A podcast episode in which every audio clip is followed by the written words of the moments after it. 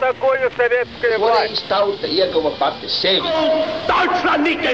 Liktenīgas nejaušības un slēptas likumsakarības, subjektīvas patiesības un objektīvi aizspriedumi. Pēc atpūšņa nekad nenāk uzreiz pavasars, bet sākās Arī šodien cilvēki ir ļoti tuvredzīgi. Viņi redz to naudu, kas ir. Televīzijā jau pamatā notiek cīņa par varu. Pagātne no šodienas skatu punkta un šodienas caur pagātnes prizmu. Raidījumā šīs dienas acīm. Katru svētdienu Latvijas radio eterā Eduards Liniņš. Labdien, cienījamie klausītāji! Šobrīd, kad Krievijas ilgstošā agresija pret Ukrainu sasniegusi savu kulmināciju, visā demokrātiskajā pasaulē tiek uzdots jautājums, kā tas nākas, ka 21. gadsimta sākumā Eiropā ir izveidojies agresīvi antidemokrātisks režīms, kas kļuvis par draudu daudzu kaimiņu valstu un visa reģiona mierīgai pastāvēšanai un attīstībai. Kā veidojies tas, ko dēvējam par putinismu, mūsdienu Krievijas autoritārā politiskā sistēma, kurā arvien nepārprotamāk iezīmējas totalitārisma elementi? Nepārprotami šai sistēmai ir savas vēsturiskās saknes, kas meklējamas Krievijas 20. gadsimta vēstures pieredzē.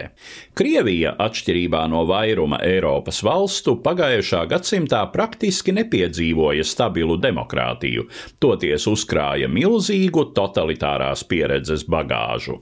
Vien dažus mēnešus pēc cara patvaldības sabrukuma 1917. gada revolūcijas rezultātā pie varas bijušajā impērijā nāca kreisie radikāļi, bolševiki, kuri uzbūvēja totalitāru, terorā balstītu un uz neīstenojamu sociālo utopiju orientētu režīmu.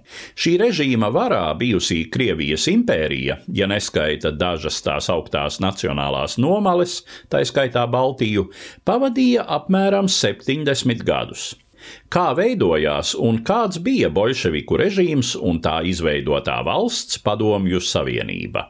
Par to vēsturnieks Latvijas Universitātes profesors Ilgvars Butulis. Kādreiz tas jau vēl caur laikos slavenais krievu vēsturnieks Kļučevskis teica tā, ka ja mēs iztēlojamies Krieviju kā tādu varenu jātnieku, tad nekad šo vareno jātnieku tādā tiešā triecienā nogāzt nevarēs, bet pietiks kaut kur aizgriezt šim jātniekam seglas siksns, un viņš vienkārši novelsies.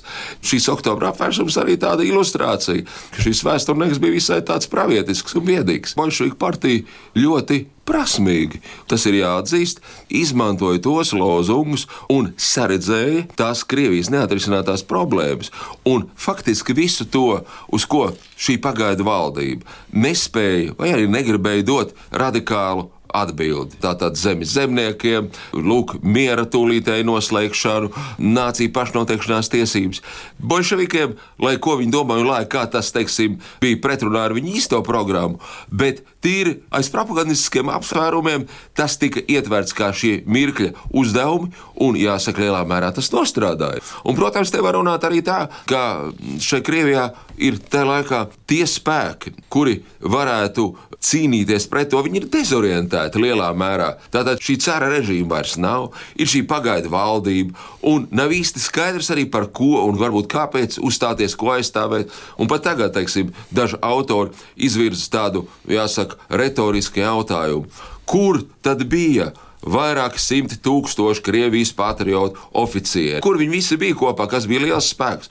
Kur bija 300 tūkstoši Krievijas garīdznieku tajā laikā, jā, kas arī bija to šīs Krievijas aizstāvi? Bolševiku praktiskais spēks jau bija niecīgs, salīdzinoši. Bet lūk, tas jautājums, ka viņiem nebija šīs vienības, un nebija programmas, un nebija e, šo spēku saliedētība, tas noved pie tā, ka lūk, tie, kuri darbojās radikāli, asi, noteikti, nedemokrātiski, tie tad šajā Krievijas situācijā spēja gūt uh, panākumus. Un ka vienmēr, un tā tas ir pierādījies līdz pat visjaunākiem laikiem, Krievijā ir ārkārtīgi liela loma vienmēr ir bijusi un būs gan reformu ziņā, gan revolūcijas vienai personībai.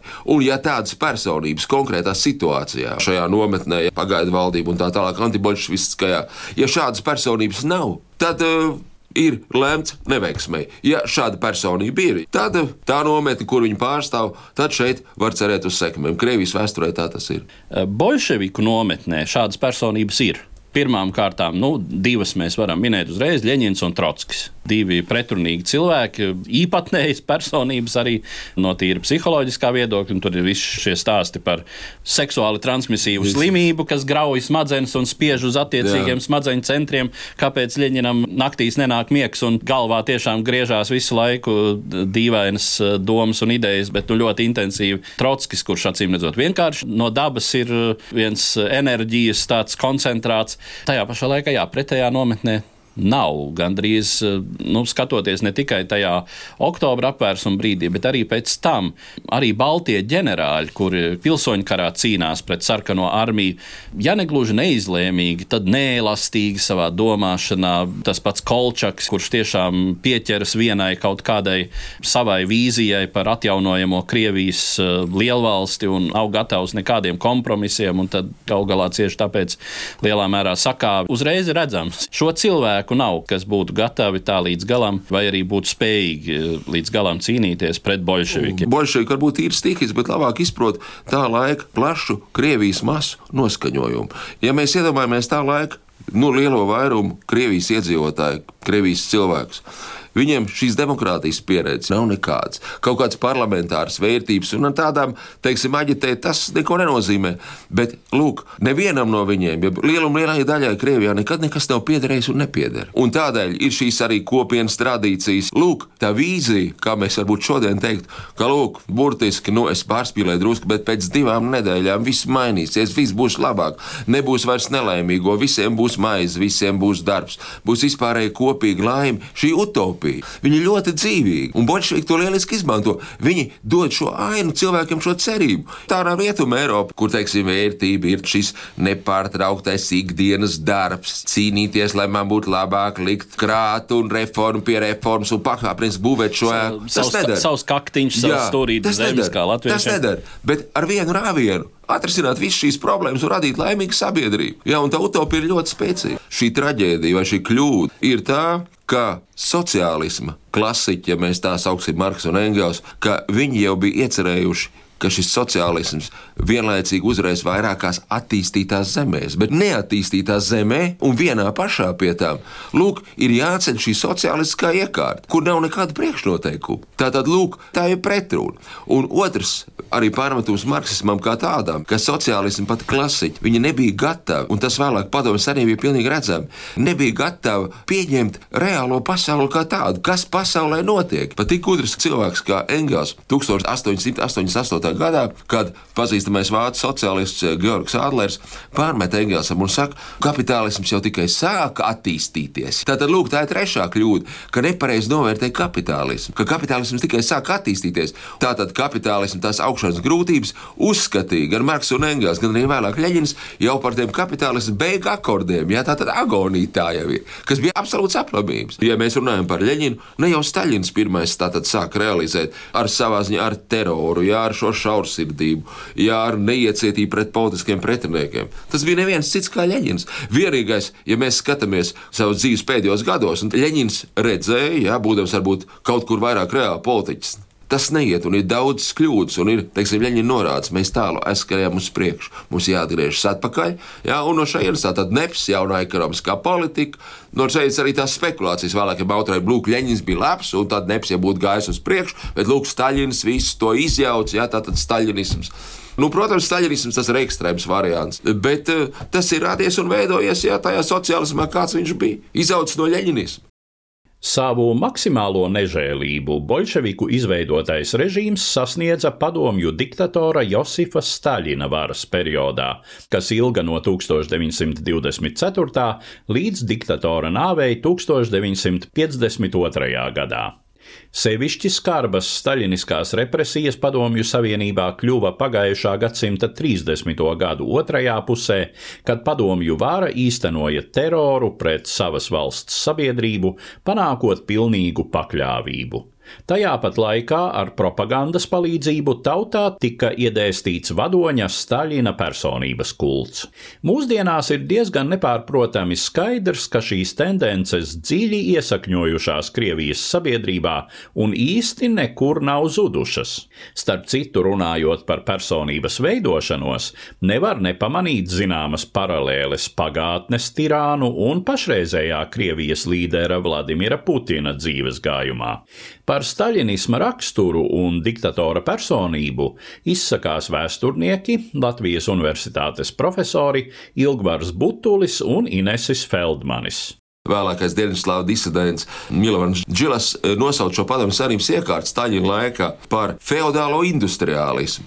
Šāds feudālais industriālisms, viņš nevarēja pastāvēt citādi, nu taču labprātīgi to nevar realizēt šādu politiku, nu, kurš labprātīgi piekrist. Ir šis faktors, nu es negribu viņu tā mistiski pārspīlēt, bet jau no 30 gadiem tam ir milzīga ietekme. Un tāpēc arī ir viens papildu uzdevums šim teroram - bailes, bailes, bailes, lai cilvēkiem būtu bail. Jo citādi ar normālu normāliem demokrātiskiem līdzekļiem, taču tādu režīmu veidot un, un uzcelt to nevar. Tad rodas jautājums, galu galā, ja sociālisms prasa miljonu miljoniem cilvēku dzīvības, neaprakstāmas ciešanas, kāda tam ir jēga un vai tam, tam ir pamatojums. Un, ja gala rezultātā tomēr šī jaunā sabiedrība, kas pārspēja šo kapitālisko, nepārspēja nevienā ziņā, netika tāda uzcelt. Īstais sociālisms, acīm redzot, tad mums bija jāmeklē Skandināvijā, Vācijas Federatīvā republikā, nu, Rietumē Eiropā, teiksim, kur mēs varam runāt kaut kādā veidā par sociālu valsti. Bieži vēsturnieki un tie, kas raksta tādā salīdzinošā aspektā, pēta gan Hitleru, gan Staļinu, kaut gan viņas ļoti atšķirīgas personības, bet tomēr ir kaut kāda zināmā līdzība. Nu, piemēram, britu vēsturnieks Ričards Overijs savā darbā Divi diktori stāsta, ka viņam bērnība esot bijusi līdzīga, kas varētu atstāt kaut kādu iespaidu. Abiem esot tēvs bijis diezgan liels tirāns, abus esot nežēlīgi tēvi situši. Abiem līdz ar to kaut kādas eh, psiholoģiskas bērnības traumas radās. Bet es domāju, ka jebkura tiesa Staļina noteikti atzīst par pieskaitām. Šķiet, 26. gadā Staļins tika kompleksi aplūkots, un viens no populārākajiem mediķiem, toreiz profesors Bekķerevs, pazīstamais neiroloģis, bija ierakstījis vismaz literatūras to norāda šo paranoju. Bekķerevs pēc tam, protams, ātri vien nozuda gan no medicīnas skatuves, gan arī no šīs dzīves skatuves. Es pieņemu, ka noteikti kādas psihiskas novirzes, sācinājums, kaut kāds mēs pie Staļina varētu konstatēt, bet Jautājums šeit paliek atklāts ar to, ko jau Feldmaņa kungs nobeidz no mūsdienu psihiatrijas viedokļa, pieskaitāms, nepieskaitāms. Nu, to mums atliek tikai minēt. Abi, gan Hitlers, gan Staļins, bija ļoti pieķērušies mātei. Hitlers ļoti mīlēja māti, nu mazāk man zināms par Staļinu, bet Staļins arī bija pieķēries mātei, pateicoties tieši mātes ietekmīgiem draugiem. 1893. gadā, 15 gadu vecumā, arī iestājās labākajā reliģiskā izglītības iestādē, kas toreiz bija Krievijas impērijas dienvidos un proti Tifulis garīgā seminārā. Šo Tifulis garīgo semināru viņam pabeigt neizdevās. Mācību iestādes tā žurnālā ierakstīja ierakstīts izslēgts par neierašanos uz eksāmeniem. Staļins šajā laikā jau bija iestājies sociāldemokrātu partijā, kļuva zināmā mērā par profesionālu bolševiku partijas darbinieku. Nu, neviens nav saskaitījis, cik, bet ir tāds viedoklis, un tas laikam ir diezgan pamatot, ka garīgie semināri, nu, līdztekus skolotāju semināriem, bija viena no galvenajām cara Krievijas revolucionāru kalvēm. Attiecībā uz Staļina ģimenes un tās dzīves realitātes, bērnības smagās slimības, trūcīgā dzīve, zināmā mērā izstumtība un reizē lielas pretenzijas, lielas ambīcijas. Caur šo dievu vārdu sāks aktīva darbība, lai mainītu pasauli, lai mainītu apkārtni un pierādītu arī šajā procesā sevi. Staļinam salīdzinoši ar citiem daudz populārākiem, daudz ambiciozākiem ārēji, kā Miņēvs Zinoviev, Trotski. Viņam piemita ārkārtīgi attīstīts varas instinkts, un varas instinkts vajadzīgā brīdī pielietojot, mēs šodien teikt, mimikriju, izlikties tātad par ļoti nepretenciozu, kārtīgu partijas ierindas darbinieku, kur galvenais ir cīņa par partijas vienību. Tajā partijas šķiet augstākajā virsotnē arī toreiz acīm redzot zināja Leņķina vēstuli kongresam par Staļinu. Bet iedomāsimies toreizējo situāciju tikko pēc pilsoņu kara un bolševikiem, kad Leņķins pārmet Staļinam neiecietību pret biedriem, pārāk brutāli un tā tālāk. Nu, tas toreiz liekas nu, absolūti nieki, jā, nu, revolucionārs paliek revolucionārs. Un Staļins zināmā mērā, cik var spriest, tajā laikā ir tāda kā kompromisa figūra. Staļins nevērsās uzreiz pret visiem, viņš sadalīja spēkus ļoti pareizi. Vispirms cīnīties pret Trotski pēc tam pret Zinovievu Kamiņevu, pēc tam pret Buhārinu. Viņš ārkārtīgi precīzi darbojās, un te mēs nevaram noliekt, ka šajā ziņā viņš bija ļoti prasmīgs un izmanīgs. Bieži vien arī vēsturnieki mēģina risināt jautājumu, kādā veidā Staļinam izdevās panākt, ka viņi tajā tuvākā apkaimē nu, it kā tādi ļoti paklausīgi cilvēki ir, kas nemēģina pret viņu vērsties. Tad šajā gadījumā vienmēr jau tiek minētā Staļina pievienotā taktika cīņā par varu. Viņš gluži vienkārši tam represijām viss bija iebaidījis, un līdz ar to nekāda nopietna opozīcija viņam izveidoties nevarēja. 1940. gada jūnijā tad likās, kad arī Staļins, kas galīgi negaidīja šo uzbrukumu un bija arī fiziski un psiholoģiski sagrauts šī uzbrukuma rezultātā, un kā viens no tādiem Staļina aizstājiem bija paredzēts padomju ārlietu tautas komisārs Jačsavs Molotovs. Un faktiski šo mēģinājumu 41. gada jūnija beigās faktiski Molotovs jau izjauca, jo uz viņu tika likts viss kārts, ka viņš varētu būt tas, kas var nomainīt Staļinu, bet nu, viņš tomēr nesaņēmās. Un, attiecīgi, kad viņi ieradās pie Staļina, viņa vasarnīcā, kad bija nodomāts šo galmu apvērsumu izdarīt, tad Molotovs to visu uzreiz izjauca, uzrunājot Staļinu, tad jūs tagad komandējiet mūs stājieties valsts priekšgalā, un Staļins jau tiešām pēc tam no vis tā psiholoģiskā šoka atguvās un ļoti labi darbojās kā pretošanās organizētājs Krievijā.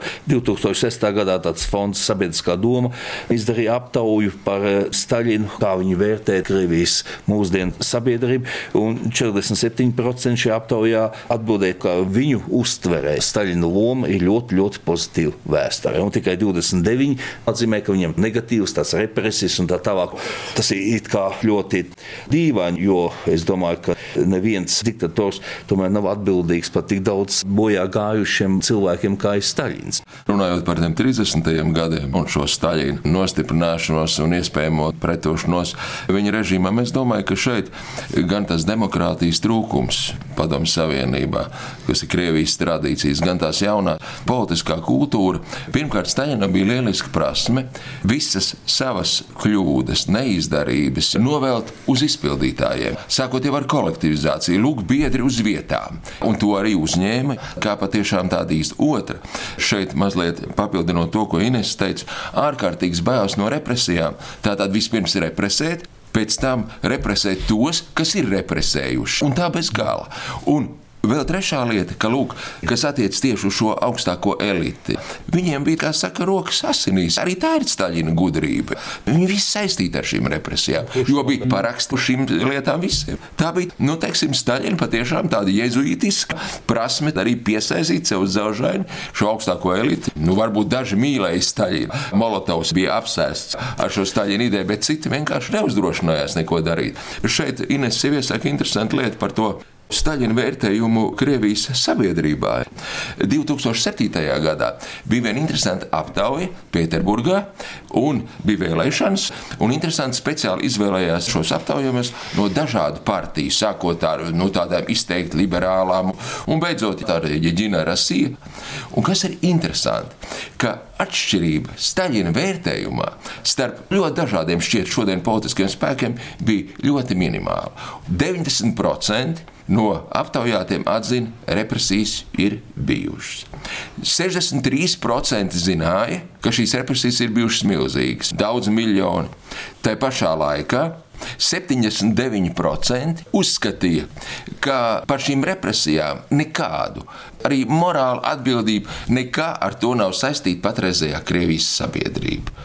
Lūk, tātad šeit tiek uzsvars likts, ja mēs runājam par staļinismu, uz uzvaru karā. Staļins kara uzvarētājs, tās represijas, kas ir bijušas līdz karam, tās represijas, kas ir bijušas pēc kara, viņi zaudē savu nozīmību, jo galvenais taču ir šī uzvara karā. Mēs nosargājām valsti, Staļina laikā vispār bija godīgāki cilvēki, Staļina laikā bija lielāka disciplīna šajā pašā aptaujā. Gan drīz visi aptaujātie bija izteikti tendēti atsaukt atmiņā, kas no viņu ģimenes, vectētiņa, vecmāmiņas, vecvectētiņa, vecmāmiņas ir piedalījušies piedalījušies karā un kas ir kara varoņi. Bet neviens, gandrīz no visiem, neminēja, ja, kas ir cietuši represijās. Kaut bija. Nu, tā ir interesanta pieeja. Tomēr salīdzinoši nozīmīgākā loma šodienas Krievijas sabiedrības, un sevišķi pašreiz pie varas esošās Krievijas politiskās elites raksturā, domājams bijusi Padomju Savienības pastāvēšanas vēlīnajam periodam, kuru parasti dēvē par Brežņeva stagnācijas ēru, proti laikam no 1964. līdz 1982. gadam. Tas ir pašreizējās Krievijas varas elites bērni bērnības un jaunības laiks, kas lielā mērā veidojis šo cilvēku politiskos tikumus. Šodienas Krievijas sistēma, nereti dēvēta par kleptokrātiju, respektīvi zagļu varu, nepārprotami sakņojas Brežņeva laikmetā ar tā vispār izplatīto korupciju, dienesta stāvokļa izmantošanu, iedzīvošanos uz valsts rēķina un sociālo nebūšanu aizmālēšanu ar skaļiem saukļiem. Turpina profesors Ilgvars Butulis. Jāsaka tā, ka Brežņevs savā politikā vienmēr centās pasvītrot to, ka viņš, nu, un arī pēc būtības bija vidusceļa gājējs. Brežņevs nekad neielaidās un izvairījās, cik bija iespējams no galējībām, un tāpēc arī tiem, kas cerēja uz staļinisma pilnīgu rehabilitāciju, jau uz staļinismu atjaunošanu. Tas nebija pamatot kaut vai tāpēc vien, ka visizteiktākie staļinisti Brežņevs šajā sākotnējā apkārtnē, kad viņi nāk 64. gadā pie varas, ir tā sauktie jaunie sārtvaiģu eh, komjauniešu līderi, tas ir Semičasnīs, tas ir Pavlovs, tas ir Šeļiepins, Un, lūk, tie bija izteikti par to, ka ir stingra kārtība, ala staļinisms. Šī kārtība ir jāatjauno. Brežņevs tomēr kaut kur sevišķi līdz 68. gadam, līdz Čehoslovākijas notikumiem, to sauc arī par tādu līdzsvaru momentu, ka Brežņevs arī pats varbūt nezina īsti, ko darīt. Tātad, cik tālu šai staļinismu atjaunošanai iet. Ideoloģiskā ziņā pēc 68. gada mēs varam runāt zināmā mērā par šādu restaļinizāciju, kad lielāka kontrola par literatūru, par mākslu. Agrāk bija viena nodaļa centrālā komitejā, kas pārzināja ideoloģiju. Tagad Brežņeva laikā ir trīs nodaļas, un pie tam tos vada tādi cilvēki, kurus mēs varētu saukt jau par tumsonīgiem, arī pat no tā laika viedokļa, kā piemēram Trapeznikovs, kas vada šo ideoloģijas nodaļu centrālā komitejā, kā Šauro un vēl virkni citu. Bet Brežņevs tomēr garantē zināmu stabilitāti, un vēl ir viena interesanta iezīmīga lieta, ko sarunā ar Konstantinu Simonovu rakstnieku Brežņevs saka. Kamēr es sēdēšu šai kabinetā, tikmēr asins padomju savienībā nelīs. Tātad Brežņevs ir tomēr noskaņots uz kaut kādu kompromisu, ne uz galējībām. Un varbūt, ka pat padomju savienībai no tāda viedokļa laimējās, jo mēs nezinām, kāda būtu attīstība, ja būtu šīs pirmās personas, vai nu Šaļepins, vai Sebičasnīs, vai viņiem līdzīgi. Tieši šajā laikā, 70. gadi, 80. gadu pašu sākums, arī jau 60. gadu beigas, tā ir nu, jau tāda smaga ideoloģiskā krīze. Un redziet, te ir uzreiz jautājums padomu savienībai tāds, ka pirmkārt ir viennozīmīgi šī ideoloģija, nu, marksisms, leņķisms, jeb komunistiskā ideoloģija, atpalikusi par gadu desmitiem. Nevienam, piemēram, 70. gados Padomju Savienībā nenāktu prātā tātad veidot kosmisko raķeti pēc Cielkovska zīmējumiem vai, piemēram, lidmašīnu pēc brāļa raitu rasējumiem. Bet kamēr ideoloģija balstās uz simts gadu šo fundamentu. Un te ir tas jautājums, ir jāatzīst tas, ko neviens negribēja un ko Brežņā apkārt un vispār šī valdošā elite negribēja toreiz padomju senē atzīt, ka īsto sociālismu neceļ jau padomju savienība, bet sociālismu ceļ Rietumvācija, Skandināvija, Austrija, Lielbritānija, tā kā tas patiesībā bija, bet to atzīt nevarēja. Un tāpēc, gribot, negribot, iznāca atgriešanās pie staļas, bet tagad tādā jaunā redakcijā, un ņemot vērā arī šo Brežņevu ievirzi, ka Brežņevs bija noskaņots un veidots kā personība tā, pats dzīvot un ļaut dzīvot citiem. Tātad tas nenozīmē, ka šis totalitārā sistēma, ko viņi pārstāja, eksistē. Tāpat mēs taču daudz zinām par psihiatriskām slimnīcām, kur ievietoja disidentus un tā tālāk. Arī bija, teiksim, citā domājošo nometnēs. Viss tas tā bija. Un visādas neiedzības šajā ideoloģiskā ziņā un ideoloģiskā kontrolē. Un, teiksim, sevišķi Brežņeva pēdējos gados sakarā ar viņas slimībām, šī vara kļūst komiski, jo pētnieki saka tā, to nesaprata Hruščovs un Brežņevs, ka notiek varas desakralizācija, tātad svētuma atņemšana viņai, un televīzija bija vienkārši kaprats, jo redzot Brežņevu televīzijā, visiem uzreiz bija skaidrs, ka šis cilvēks, nu, nav tas, nu, kurš varētu personificēt un kurš, teiksim, šo padomu savienības spēku un tā tālāk, un nekas jau nemainījās no tā, ka Brežņevs bija četrkārtais sociāls kā darba varonis, trīskārtais demokrātiskās Vācijas, trīskārtais Čehoslovākijas, trīskārtais Bulgārijas un trīskārtais Mongolijas varonis. Ar to nekas nebija līdzēts. Bija vēl trakāk. Tas viss radīja tādu neīstumu, un komunistiskā ideoloģija, protams, lielā mērā ir balstīta uz meliem. Bet sevišķi Brežņeva laikā šis bezdibens starp šo oficiālām nostādnēm un starp reālo dzīvi, viņš vienkārši kļuva kliedzošs. Un viss to saprata. Bet nu, tas bija tāds kā nerakstīts likums, kaut kā, lai mierīgi dzīve būtu pieņēmuši šos spēles noteikumus, bet patiesībā vairāk vai mazāk atklāti smējās gan par šo personu, kas bija valsts priekšgalā, gan arī par to situāciju, jau nu visu to apkārtni, kāda veidojās šeit politbirojā. Un salīdzinoši šodienas situācija, protams, rādīja un informēja maz, bet tomēr televīzijā, un tas viss bija redzams. Tā laikā viens no Kosīgina vietniekiem Kirīļins iesniedz tādu sīku un savām laikam diezgan pamatot ziņojumu, kāda tad ir reālā situācija. Brežņevs un šis veco ļaužu Eiropāks, viņi to negrib redzēt. Viņiem tas nepatīk. Tāpēc labāk ir no tā abstrahēties, krīļina atlaist no amata, ko sīgina vietnieku, jo patiesība nepatīk. Tātad aizvērt acis, nerisināt tālāk šo patiesību. Un vēl viena lieta, kā vairāk līdzekļu dot vieglai rūpniecībai, tas nozīmē ņemt nost karu rūpniecību, militāru rūpniecību kompleksam. Un Brežņevs sevi uzskata, un tāds viņš arī faktiski ir, kara rūpniecības un militāro lietu šefs. Un tāpēc viņš uzskata, ka Sīgina šīs ekonomiskās reformas par iejaukšanos savā kompetencē Brežņevam ir izteikti. Neraugoties uz tādu viņa varbūt šķietamo drusku primitīvismu un, un uz to viņš nav teorētiķis, bet viņš lieliski jūt, kā teiksim, vecs aparāta darbinieks lieliski jūt, no kurienes viņam draud briesmas. Otrs, nu, dažreiz saka, viņš ir marionete. Nu, labi, var jau tā teikt, bet Brežņevs vienkārši ir šīs vecās gvardas pārstāvs, un viņš to dara šīs vecās gvardas vārdā, jo šī vecā gvarda absolūti nav interesanta. Viņi saliedēti, zažaini. Viņi savu laiku, tātad bez jebkādām pārmaiņām grib nodzīvot, un tā arī praktiski notiek. Cita lieta, ka Brežņevs salīdzinoši, protams, ar Staļinu par to nav ko runāt, bet varbūt arī ar Hrušovu, nu, ja tā var teikt, ja var lietot šo vārdu, salīdzinoši humāni, atbrīvojas no šiem saviem pretiniekiem. Viņam patīk valdīt, bet viņam nepatīk vadīt. Viņš nav vadītājs, tādas valsts vadītājs viņš nav. Viņš to pats atzīst pēc tam sarunā ar saviem, nereiz vien ar saviem padomniekiem, ka vislabāk viņš ir jūties gan kā rūpnīcas direktors, gan kā nu, pats augstākais, tātad šis apgabala komitejas sekretārs. Un patiešām acīm redzot, viņš loģiski sev vērtē šajos mirkļos. Un beigās jau tā negribēšana strādāt, nu, nerisināšana problēma, tas viss, protams, radīja tādu smagu un sarežģītu situāciju. Un vēl ir viena pavisam negatīva lieta, kas bija Brežņevam raksturīga kā iesaistīt valsts pārvaldē tā vai citādi savu ģimeni un savas ģimenes problēmas. Hruščovs to nekad nedarīja, jo, ja mēs palasām Hruščova dēla memoārus, viņš saka, Nikits Sergejevičs nekad mājās nerunāja par savām problēmām, kas viņam ir, viņš uzskatīja, tā ir viņa lieta. Bet šeit, piemēram, viens tā nav anekdote, bet tā ir patiesība, ir dokumenti tādi. Viens arī no šiem viņa jaunajiem konkurentiem, sākumā līdzgaitniekiem, Maskavas pilsētas partijas komitejas pirmais sektārs Igoričevs. Kāpēc Igoričevu atlaiž? Igoričevu atlaiž principā tāpēc, ka 66. un 67. gadā sāk just ka kaut kur noplūst informācija par to, kas ir runāts politbirojas sēdēs. Nu, Brežņevs saka, tas beris, kas notiek, paiet nedēļa un tiek noskaidrots.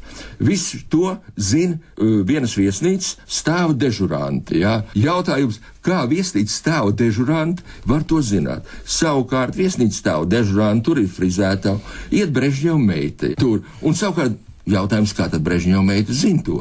Bet tātad Leonīds Iļičs, kad Jegoričevs viņam to pasaka, Jegoričevs to raksta memoāros. Tumšs piesarkst, neko vairāk nesaka, bet paiet pavisam neilgs laiks, un Jegoričevs tiek atbrīvots no amata. Protams, Krievijas pašreizējā vara balstās pirmkārt savas valsts politiskajās tradīcijās. Tomēr Puķina režīma raksturā šim režīmam pastāvot un attīstoties, arvien noteiktāk parādījušies arī vaipsti, kas to sarado ar pagājušajā gadsimtā Rietumē Eiropā pastāvējušajiem ekstrēmajiem totalitārisma modeļiem - fašismu un nacismu. Mūsu raidījumā nākamā svētdiena pievērsīšos šiem totalitārisma variantiem, mēģinot atklāt to paralēles ar šodienas Krieviju. Šodienas raidījumā dzirdējāt vēsturniekus Latvijas Universitātes profesorus Ilgvaru Butuli un Inesi Feldmani. Uzredzēšanos cienījamie klausītāji! Katru svētdienu Latvijas radio viens par pagātni sarunājas Eduards Līniju.